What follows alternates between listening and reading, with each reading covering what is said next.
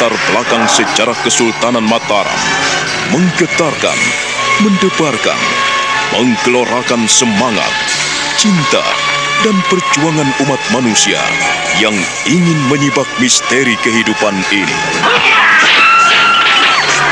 Cerita ini ditulis dan diolah oleh Bu Nergis Muriono, pengarah cerita dan naskah Agung Bahrodi, ilustrasi musik Hari Sabar, teknik dan montase Jamie Mumu, dengan sutradara Ferry Fadli.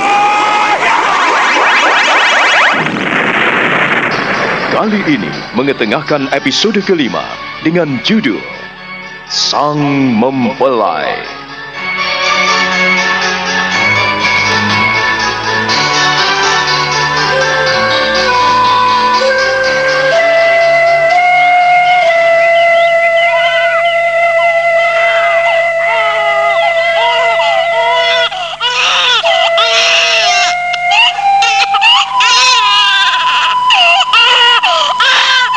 Warih semakin bingung karena bayi kecilnya meronta-ronta, tak mau menyusu, dan dia hanya bisa terpana ketika memperhatikan ibunya mendekatinya. Nyai Pradah berusaha menenangkan dan menimang bayi itu dengan sabar. Nyai Pradah menepuk-nepuk pantat bayi, dan lama-kelamaan bayi mungil itu mengurangi gerakan-gerakannya. Nini Warih semakin sedih melihat kenyataan itu. Ternyata bocah kecil itu mengetahui hati dan isi batinnya.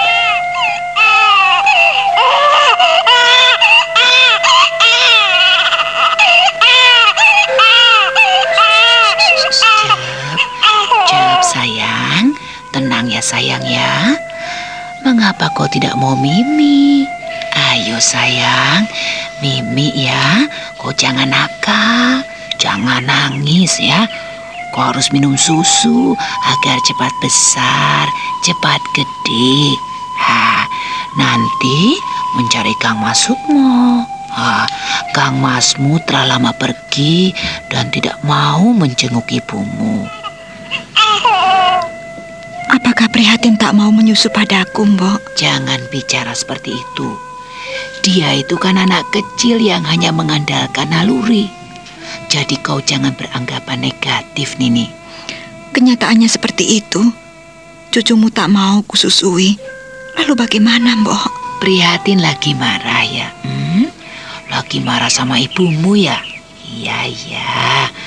Kau boleh marah, tapi jangan sering-sering ya. Ayo, Mimi sayang, minum susu ibumu.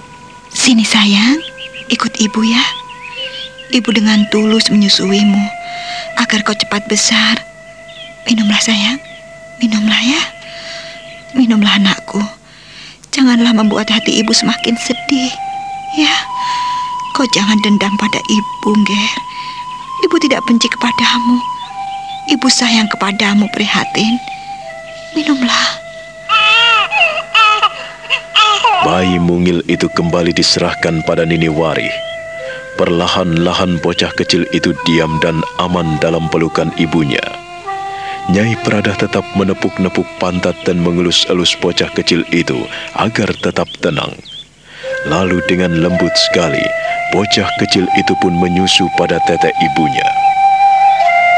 Simbo harus pulang. Rawatlah anakmu baik-baik. Apa pun yang terjadi, dialah anakmu, darah dagingmu sendiri. Jangan ada sedikit pun rasa benci di dalam hati dan batinmu. Agar hati dan jiwa anakmu kelak tumbuh menjadi orang yang berguna. Menjadi orang yang mengerti ingat luhur budi pekerti. Iya, Mbok. Sebagai orang tua, aku tidak bisa memberikan apa-apa padamu. Ya, kau tidak boleh mengabaikan kewajibanmu sebagai seorang istri, sebagai seorang ibu, dan sebagai seorang menantu. Kau harus tenang tinggal di sini sampai anakmu besar. Bersabarlah dalam penantian akan kehadiran suamimu. Simbo yakin suamimu akan datang menengokmu. Simbo yakin Kakang Wari akan datang. Iya, aku yakin sekali suamimu pasti akan datang. Wari adalah seorang lelaki yang bertanggung jawab. Seorang seniman seperti dia memiliki tanggung jawab yang besar, memiliki perasaan yang halus, dan ia gampang tersentuh dengan apa yang dihadapinya. Tapi kau pun jangan lupa, orang yang perasa gampang sakit hati. Kalau hatinya telah terluka, mungkin ia akan memendamnya dalam hati. Memendam kebencian dan kemarahan itu dalam hati. Mbok, Jagalah itu sebaik-baiknya. Kau telah bersalah dan akuilah kesalahanmu itu. Berlakulah jujur. Jadilah perempuan yang setia. Tunjukkan kepribadianmu sebagai seorang perempuan sejati yang memiliki kesabaran, kelemah lembutan, kejujuran dan kesetiaan. Jangan abaikan kepercayaan suamimu. Cukup sekali kau bersalah. Jangan kau ulangi lagi. iya Mbok. Simbo akan pulang ya. Kapan-kapan Simbo akan datang ke sini. Hmm, cepat besar ya, prihatin. Hmm, sayangi ibumu. Nenek mau pulang dulu ya. Jagalah anakmu baik-baik, Nuk. Iya Mbok.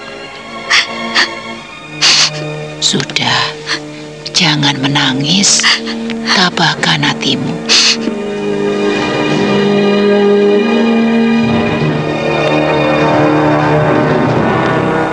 Penuh dengan kasih sayang, Nini Warih menyusui bocah kecil itu. Mulut kecil itu mengecup tete ibunya.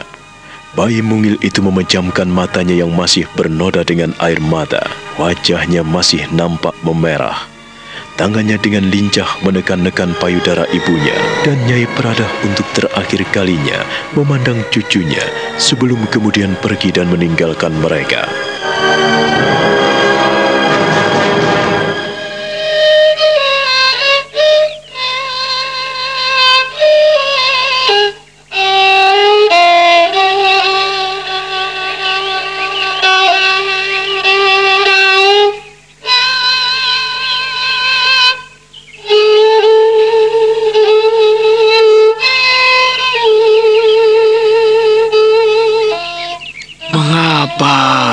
Bersedih seperti itu, Nyai?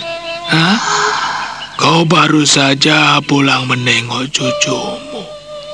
Ada apa dengan mereka? Hmm? Tak ada apa-apa. Aku hanya memikirkan anakmu. Suaminya sudah lama tidak pulang. Apa? Sudah lama Wari tidak pulang. Tapi kan suaminya tinggal di Mataram sebagai seorang juru taman yang diperlukan Kanjeng Sinuwun.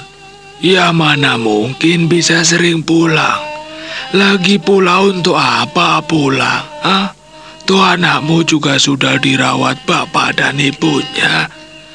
Ki Wulung dan Nyi Wulung kukira baik sekali pada Nini. Akang Wulung dan Mbak Yu bukanlah orang yang jelek.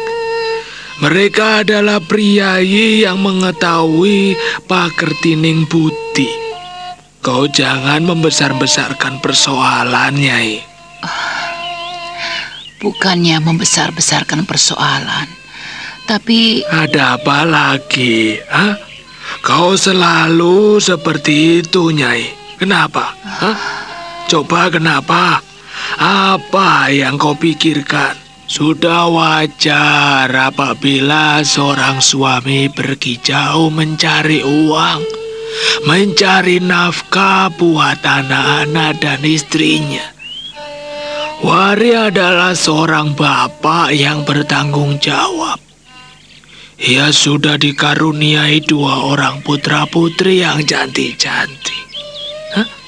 Seharusnya kita bersyukur karena kita telah mendapatkan cucu-cucu dari seorang priayi. Kau harus tahu itu, Nyi. tapi semenjak Nini melahirkan, Wari belum juga pulang. Kau belum tahu keadaan Warih di Mataram. Dia adalah orang yang dipercaya Kanjeng Sinuwun. Kau harus tahu itu? Aku tahu.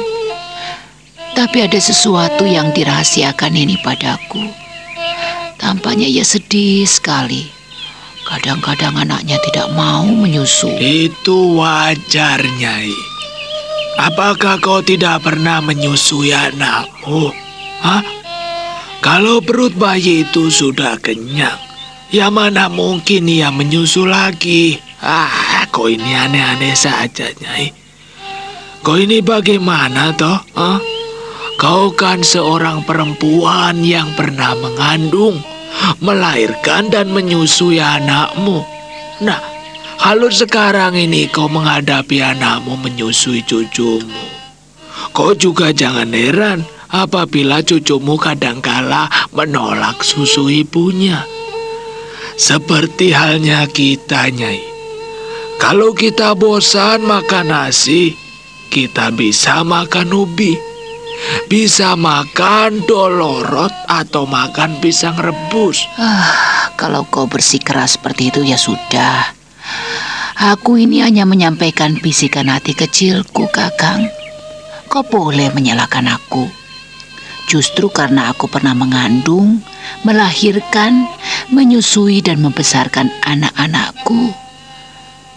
Aku bisa merasakan bagaimana perihnya seorang ibu apabila seorang anaknya tidak mau menyusu padanya. Nah, kalau anakmu sudah kenyang, apa kau paksa untuk menyusu? Huh? Kita ini adalah manusia biasa, Kakang. Sekali lagi, aku bicara sebagai perempuan. Air susu sangat bermanfaat bagi anak-anakku. Tetapi payudaraku bisa sakit sekali apabila anak-anakku tidak mau menyusu. Kau tahu itu, Kakang? Itu yang masalah kecil. Itu masalah pertama. Lalu yang kedua, aku yakin anak kita menghadapi masalah, Kakang. Ah, punya masalah besar atau kecil. Seharusnya kita sebagai orang tua ini tidak boleh ikut campur, Nyai. Mereka sudah berumah tangga dan dikaruniai anak-anak. Kita tidak boleh ikut campur urusan pribadi mereka. Sekalipun mereka adalah anak-anak kita. Ah, kau ini jangan mengabaikan dirimu sebagai orang tua. Sekalipun kita ini menjadi ayah dan ibunya, kalau ia sudah menjadi tanggung jawab lelakinya, apakah kita mau ikut campur? Hah? Itu tidak lumrah, Nyai. Itu tidak baik dan bisa membuat keluarga mereka bubrah. Aduh, kau ini diajak rembukan, tapi kok malah mengajak bertengkar, Kakang? Eh, aku tidak mengajakmu bertengkar, Nyai. Tidak. Bukan sama sekali. Tetapi bagaimana kita bisa menjernihkan suatu persoalan dan permasalahan apabila kita terbawa oleh perasaan kita? Tanpa bisa membeda-bedakan mana yang harus kita rundingkan. Pikirkan itu, Nyai. Tapi kita harus menolong anak kita. Nini nampaknya membutuhkan uluran tangan kita. Aku tetap tidak setuju dengan pendapatmu itu.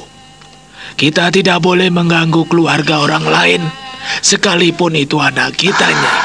Dia sudah menjadi orang lain, Nyai. Ingat itu. Kau tega apabila anak kita merana dan menderita batinnya. Mana mungkin ini menderita. Ia disayang dan dikasihi suaminya. Sekalipun Kiwari itu tinggal di istana Mataram. Tetapi aku percaya ia memperhatikan anakmu, anak kita. Nah, mana mungkin ada suami yang mengabaikan istrinya, kecuali istrinya bertingkah.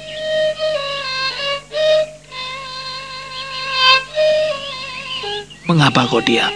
Hah? Apakah salah apa yang kuucapkan? Tidak ada suami yang membiarkan istrinya kecuali istrinya berlaku selingkuh dan tidak setia. Kalau seorang istri sudah nyeleweng dan tidak jujur, maka sudah semestinya suami itu marah. Kau tahu? Kau tahu, Nyi?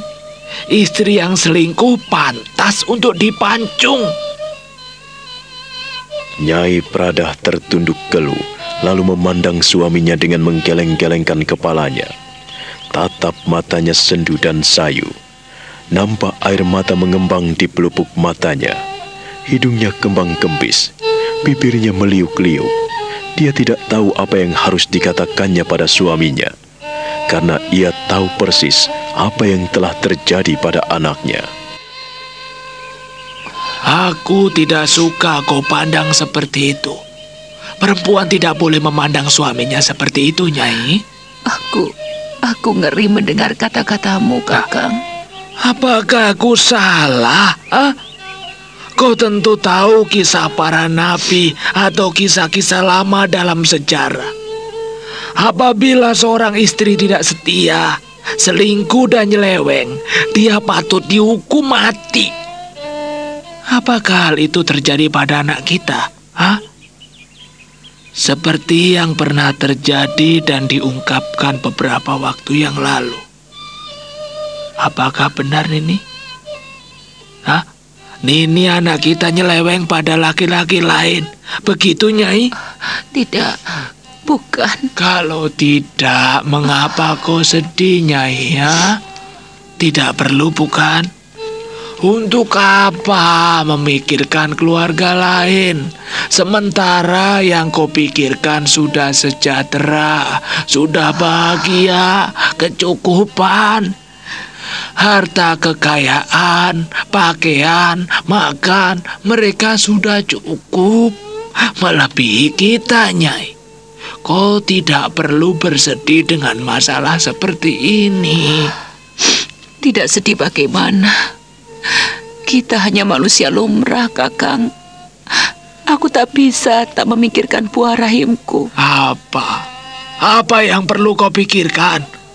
Lebih baik kau membersihkan gabah atau goreng kopi di belakang daripada memikirkan yang tidak karuan. Aku tidak main-main, Kakang. Aku memikirkan anak kita. Tolong, aku butuh pertimbanganmu. Aku tidak butuh amarahmu, Kakang. Bicaralah yang tenang. Kau jangan membuat sakit hatiku. Nah, iya toh. Seperti itu toh akibatnya. Menyalahkan aku. Ah, dasar perempuan. Susah.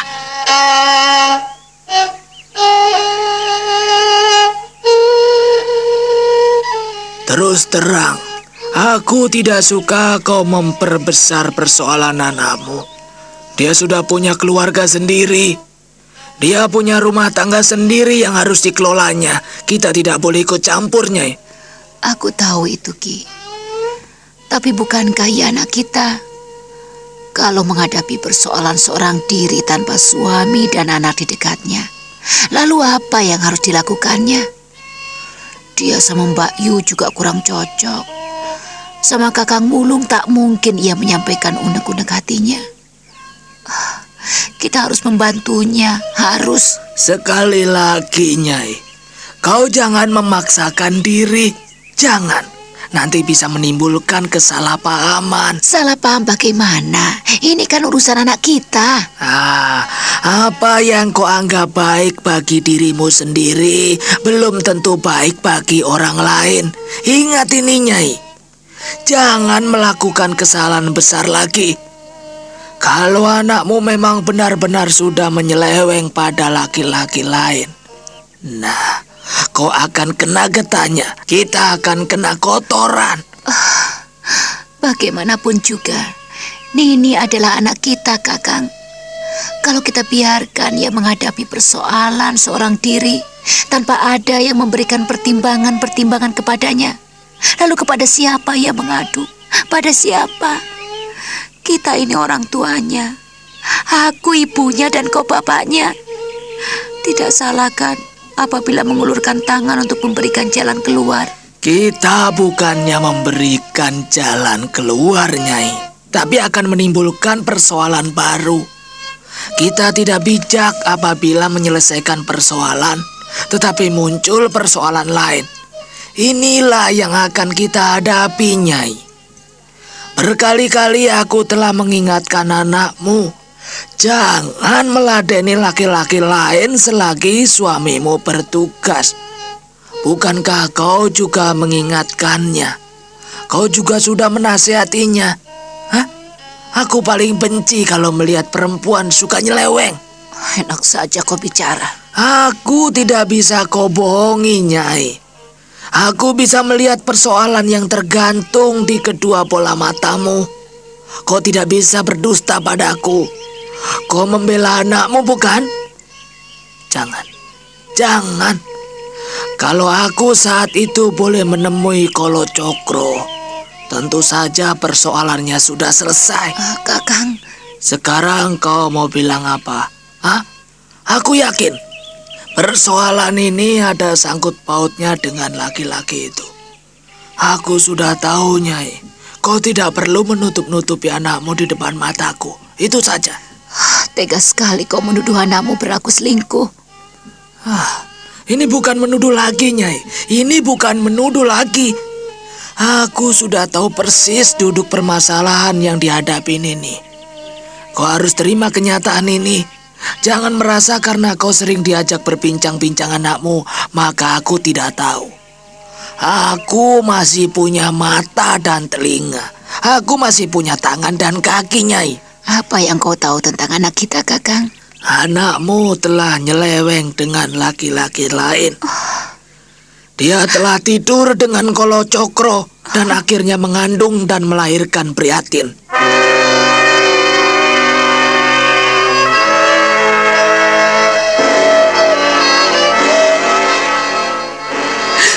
Kakang, Sekarang kau mau bicara apa? Hmm?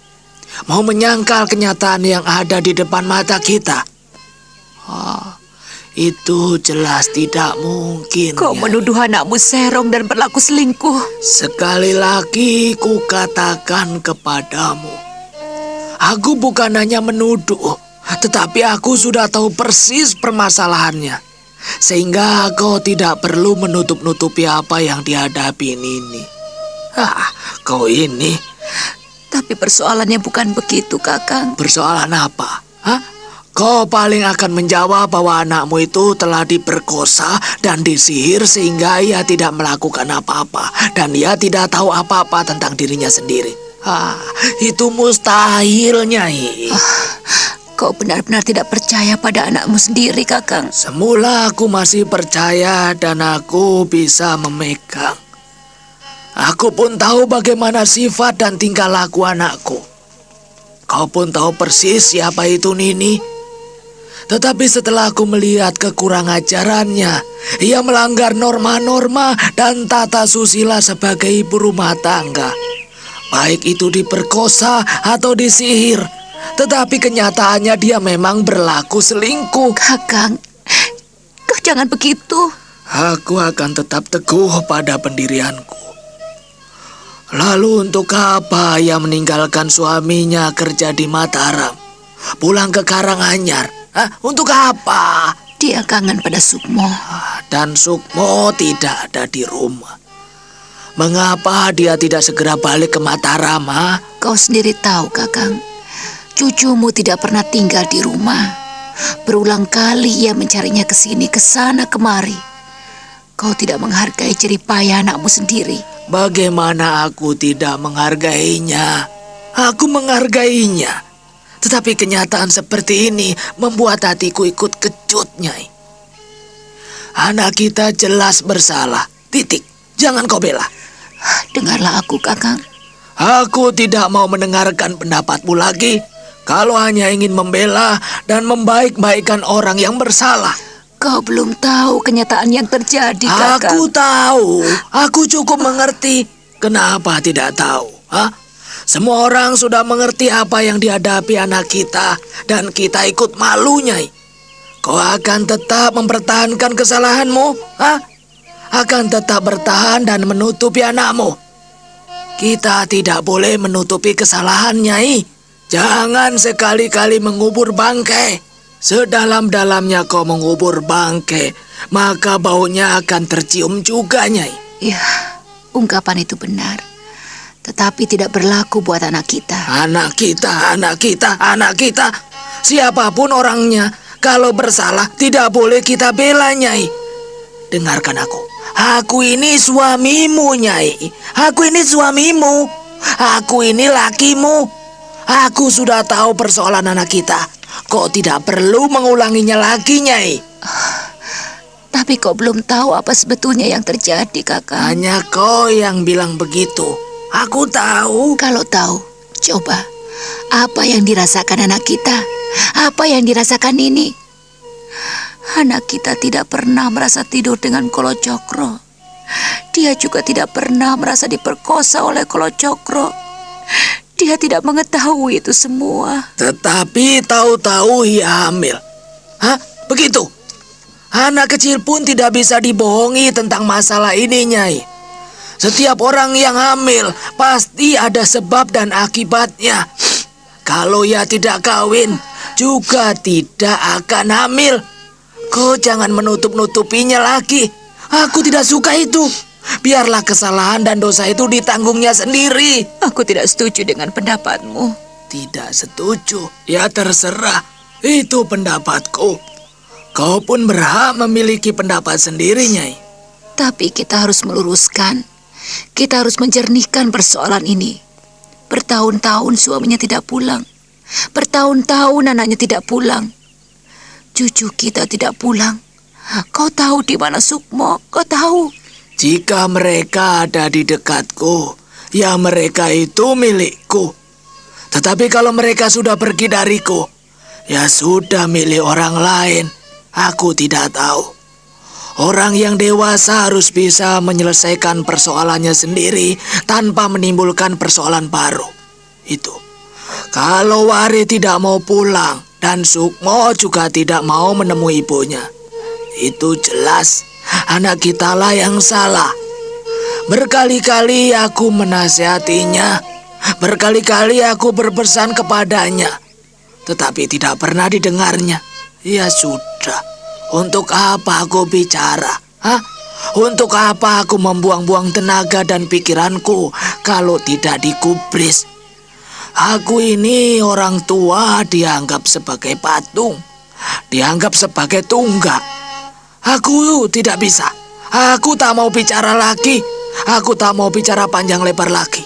Sudah, uruslah sana sendiri. Aku tidak mau tahu. Kakak,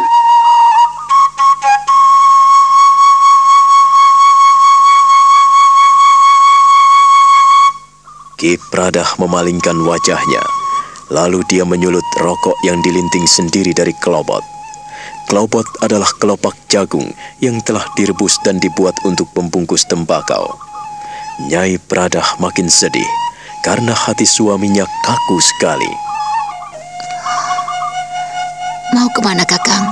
Tidak perlu memikirkan aku, Nyai. Kau jangan begitu, toh.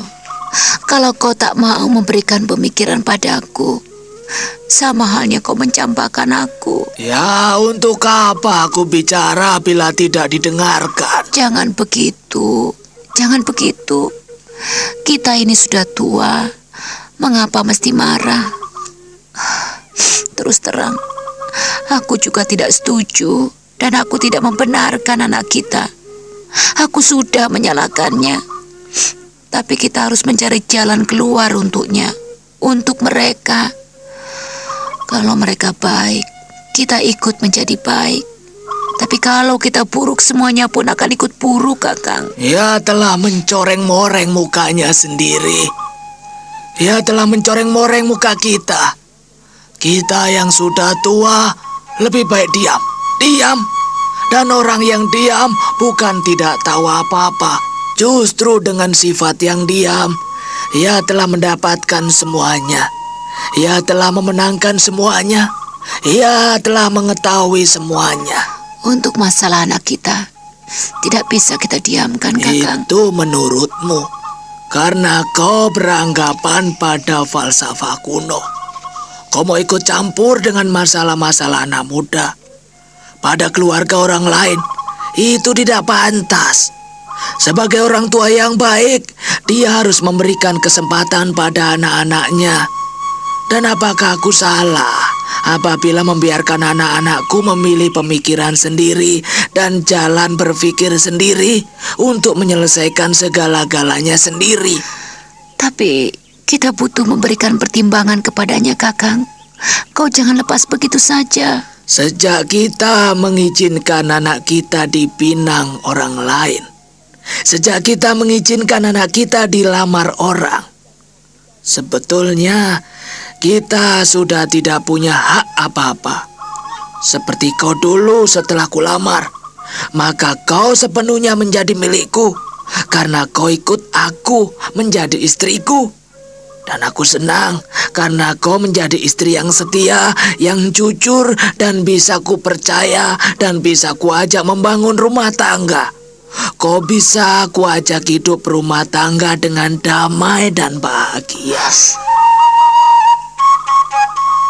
Dan apabila sekarang ini anak kita menempuh jalan yang berbeda, artinya ia telah memilih jalannya sendiri dan kita tidak bisa menghalang-halanginya, Nyai. Lalu bagaimana jika ia terus ditinggalkan suaminya dan hidup sendiri di antara mertuanya? Jika kau yang mengalami seperti itu, bagaimana perasaanmu, Kakang? Aku tidak pernah mengalami hal semacam itu. Karena aku bukanlah orang yang bodoh.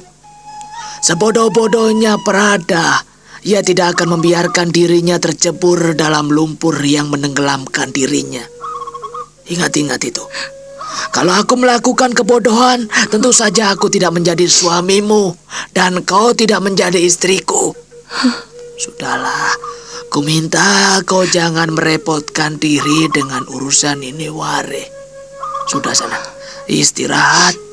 Aku tidak suka kau bermuram durja seperti itu. Hanya gara-gara persoalan anakmu. Persoalan yang dibuatnya sendiri. Nyai Pradah akhirnya hanya bisa menangis. Dia tidak bisa berbicara apa-apa menghadapi suaminya yang teguh pada pendiriannya. Nyai Pradah lalu meninggalkan suaminya dan masuk ke dalam biliknya.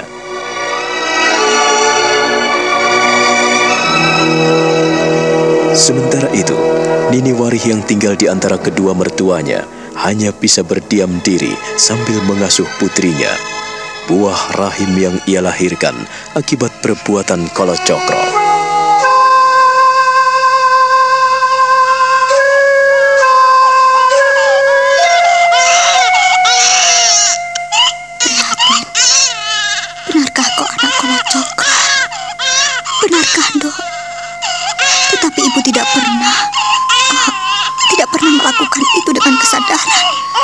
akal dan pikiran ibumu. Tidak, Dok. Tapi, ah, kau, kau anakku yang cantik. Mengapa persoalan ini kita hadapi, Dok? Ah, keterlaluan ibu. Ibumu ini memang keterlaluan.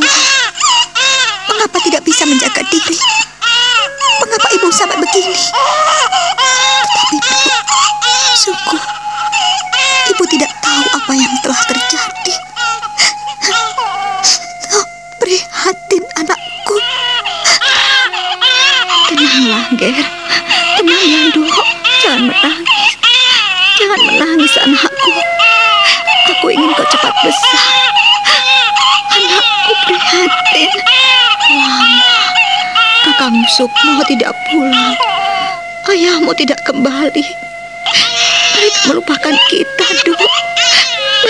Melupakan kita. Ada apa, Dok? Hmm? Ada apa? Ada apa dengan anakmu? Oh, cucuku yang manis, cucuku yang cantik. Hah? Mengapa kau menangis? Hah? Ada apa? Kok tangis-tangisan seperti ini? Hmm? Prihatin. Ikut kakek yuk. Hah? Ikut kakek. Ayo sini sini. Biarkan sini nih. Biarkan anakmu ku gendong. Hmm? Biarlah aku gendong cucuku ini. Hah? Wah, aku kangen sekali diompoli. Wah, prihatin, Tang Dindung. Prihatin.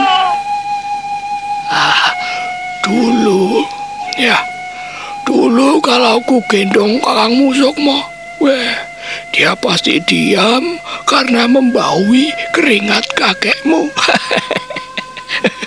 Kini, sekarang kau ada di gendongan kakek. Tang ting plak ting plak ting plung, nah ting plak ting tak ting plung, dah.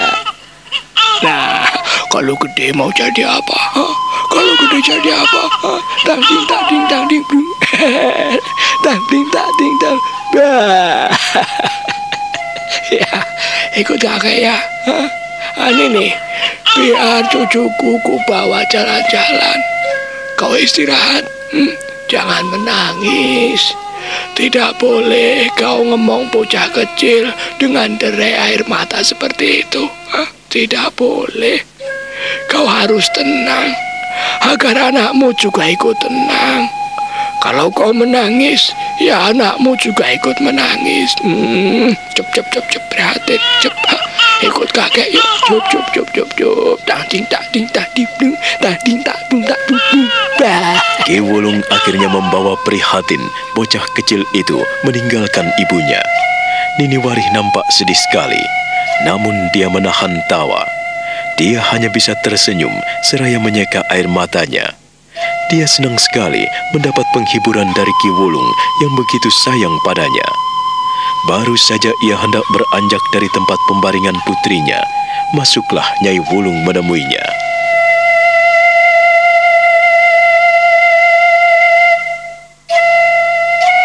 Seharusnya kau tidak menangis, Nini. Aku mendengar percakapanmu dengan anakmu. Nenek mendengarnya. Iya. Nenek mendengarnya dan nenek kurang suka apabila kau mengungkit-ungkit suamimu dan anakmu Sukmo. Mereka toh di Mataram. Tidak mungkin pergi ke mana-mana. Karena Wareh dipercayakan Jeng Sinuwun dengan baik. Demikian pula dengan Sukmo. Aku yakin ia sudah menjadi pendekar yang pilih tanding. Ia telah menjadi orang yang bisa menjaga diri. Tapi Nek, mereka lama sekali tidak pulang. Mereka melupakan aku. Segala sesuatu ada sebab dan akibatnya, Nini. Berulang kali aku menasehatimu agar tidak meladeni pria lain selama suamimu pergi bertugas di luar kota. Dan sekarang kau baru bisa merasakan akibat dari kesalahanmu.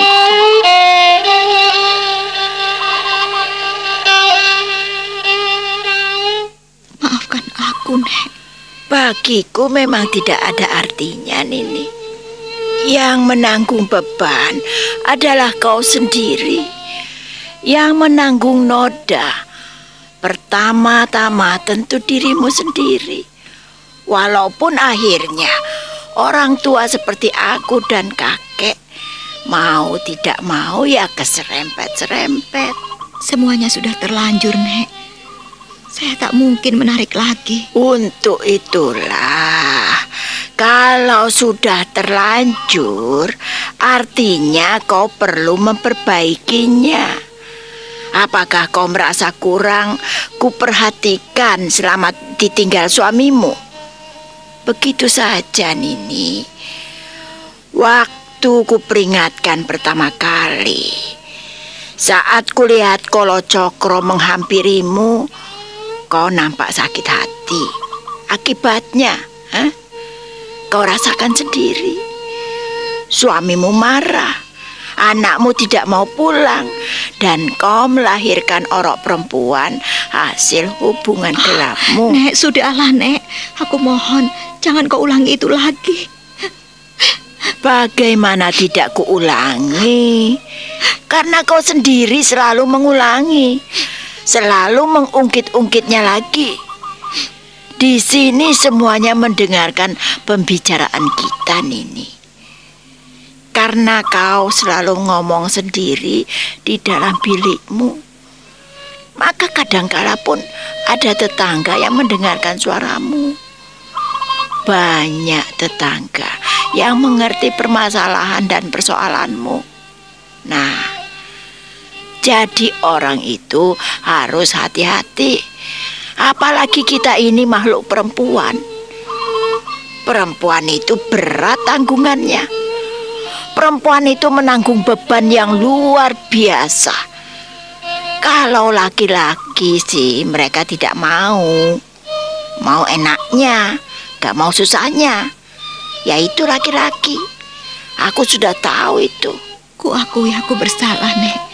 Walaupun semua itu di luar kesengajaanku, di luar batas kesadaranku. Sengaja atau tidak, tahu atau tidak tahu, semua itu menimbulkan persoalan yang sama, menimbulkan kesedihan, menimbulkan kesusahan, menimbulkan persoalan-persoalan baru yang melibatkan banyak orang. Nenek marah padaku. Loh, loh, loh, loh, loh. Bukannya marah, Nini. Aku tidak marah. Aku hanya memperingatkan lagi kepadamu. Memang kau tak perlu mengungkit-ungkit lagi masa lalumu. Apabila kau tetap merasa tidak bersalah, itu kan juga tidak apa-apa. Tak apa-apa, tidak apa-apa, Nini. Akan kutanggung semua salah dan dosaku, Nek. Sekalipun apa yang kualami ini adalah kepedihan dan keperihan hatiku. Tentu, tentu, tentu itu. Kau akan sedih selama-lamanya. Selama kau mengingat-ingatnya. Piring retak itu tidak bisa disambung lagi, Nini. Sekalipun bisa disambung, ya hasilnya tidak sebagus yang dahulu atau kursi yang patah berantakan tidak bisa kembali sebagus seperti semula sekalipun kita perbaiki. Nah, demikian pula dengan kehidupan ini, Nini. Jadi kau tidak perlu menyesali apa yang sudah terjadi. Karena akan menyakiti hati sendiri.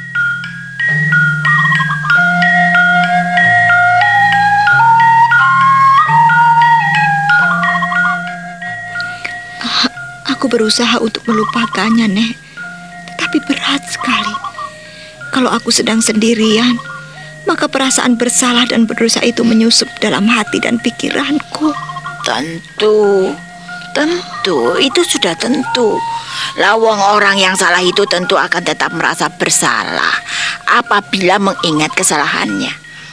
Kesalahan itu susah diperbaiki. Terus terang saja, Nenek ikut kecewa ini karena peristiwa ini sudah lama. Lama sekali. Kalau Kakang Wari dan Sukmo tidak pulang-pulang, apakah nenek dan kakek masih mau menganggap diriku sebagai menantu? Nenek memendam perasaan itu. Tetapi aku mencoba menahan diri agar mendapat kesempatan yang lebih tepat untuk bicara masalah ini kepadamu. Tetapi berkali-kali setiap kau bersama prihatin anakmu, kau bicara panjang lebar. Mana dia tahu kau tidak mau membuka persoalan itu pada nenek. Tidak mau merembuk dengan baik. Ya akibatnya seperti itu. Kau akan menanggung penderitaan yang semakin berat. Kau nampaknya melihat diriku pada sosok negatif, mengingatkan salah, menasehatimu. Kau nilai aku marah kepadamu. Itu kurang tepat. Aku memang salah, Nek. Iya, iya. Tahu, tahu. Semua tahu. Salah atau tidak. Semua telah terjadi. Yang nenek inginkan itu Kau sedikit terbuka pada nenek. Kau sudah kuanggap sebagai anakku sendiri. Sekalipun kau anak mantu, tetapi aku bertanggung jawab penuh atas keberadaanmu di sini, Nini. Maafkan aku, Nek. Sejak dulu sudah kumaafkan. Aku tidak pernah tidak memaafkan. Selalu kumaafkan. Ya, orang yang salah tentu perlu dimaafkan. Itu nenek. Nenek kan pemaaf. Tapi hati perempuan tentu saja akan merasa berat. Demikian pula suamimu itu. Dia pasti sakit hati. Sakit hati kepadamu. Warih itu perasaannya halus. Halus sekali. Kalau ada apa-apa sejak kecil, dia hanya diam. Diam. Maafkan aku, Nek. Aku membuat kecewa nenek dan kakek. Aku membuat kecewa semua orang yang mencintaiku. Orang lain itu tidak perlu. Kau justru membuat kecewa dirimu sendiri. Nenek, kakek, Sukmo atau Wari, atau barangkali kedua orang tuamu. Itu tidak perlu kau pikirkan. Sekarang yang menjadi masalah tentu dirimu sendiri. Salahmu itu harus diperbaiki dengan baik. Tetapi sekali lagi, barang yang retak tak bisa disambung dengan baik sebagus sedia kala. Tidak mungkin. Kalau kau mendengarkan nasihat nenek, aku yakin tidak seperti ini. Tidak selalu murung dan sedih. Nah, sekarang karena bagaimanapun juga, kau sudah mempunyai dua anak. Tidak perlu memikirkan macam-macam. Kau tidak boleh pergi dari sini. Aku tak akan pergi ke mana-mana, Nek. Ya, itu betul. Karena kau menjadi tanggunganku, tanggungan kami. Aku sedih sekali ketika kemarin kau bilang pada ibumu, pada simpokmu, kau ingin pulang dengannya. Itu salah. Kau jangan membuat kesalahan lagi. Jangan mengulangi kesalahan yang sama. Kalau Kakang Wari dan Sukmo tidak pulang-pulang, apakah nenek dan kakek masih juga mau menganggap diriku sebagai menantu? Bagaimana aku harus menjawab pertanyaanmu? Bagaimanapun juga, kau menjadi tanggungan kami, Nini. Jangan punya pikiran macam-macam. Kalau suamimu sudah tidak mau dengan kamu, tentu saja kamu diceraikan. Itulah yang kutakutkan, Nek. Diceraikan atau tidak, apa bedanya? Aku tidak diceraikan, tetapi dibiarkan begitu saja. Sama halnya dengan diceraikan, Nek. Itu anggapanmu. Itu anggapanmu, Nini. Aku yakin suamimu tidak punya pikiran seperti itu. Kau harus menghargai kekecewaannya, kehancuran hatinya, karena kau tidak bisa memegang apa yang diinginkannya, apa yang dipesankan kepadamu. Ya, namanya saja kecewa. Biarkan saja, biarkan saja.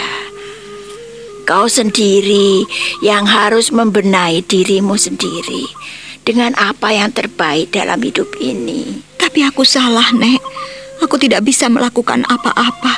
Sekalipun aku melakukan kebaikan, mana Kakang Warih tahu, mana Sukmo mengerti. Kan ada aku. Kalau kau merasa bersalah, itu namanya sehat. Dengan kesalahan yang kau ketahui, akan mengajakmu pada langkah-langkah pasti yang lebih bijaksana. Terus terang, aku ikut prihatin dengan semua ini. Nek, hmm? seandainya prihatin kuberikan pada orang lain, apakah kau setuju? Apa Nini? Kau ini bagaimana? Walah, Aduh, Gusti Jagat Dewa Batoro. Apa yang ada di dalam benakmu itu, ha? Apa? Menyerahkan anakmu pada orang lain itu bagaimana? Uh, katakan, katakan apa yang baik kulakukan, Nek. Nini Warih benar-benar terpuruk dalam kesalahan. Kesalahan panjang yang menggores-gores hati dan batinnya. Kini dia tak mampu berkata-kata selain terisak-isak dan menangis pilu di depan ibu mertuanya. Nyai Wulung pun membisu, tatap matanya kosong, bibirnya nampak meliuk-liuk, hidungnya kembang kempis, entah marah atau menangis. Nah, bagaimana kisah selanjutnya? Saudara pendengar, silakan menunggu seri berikutnya dalam serial Wahyu Astabrata ini. Sampai jumpa.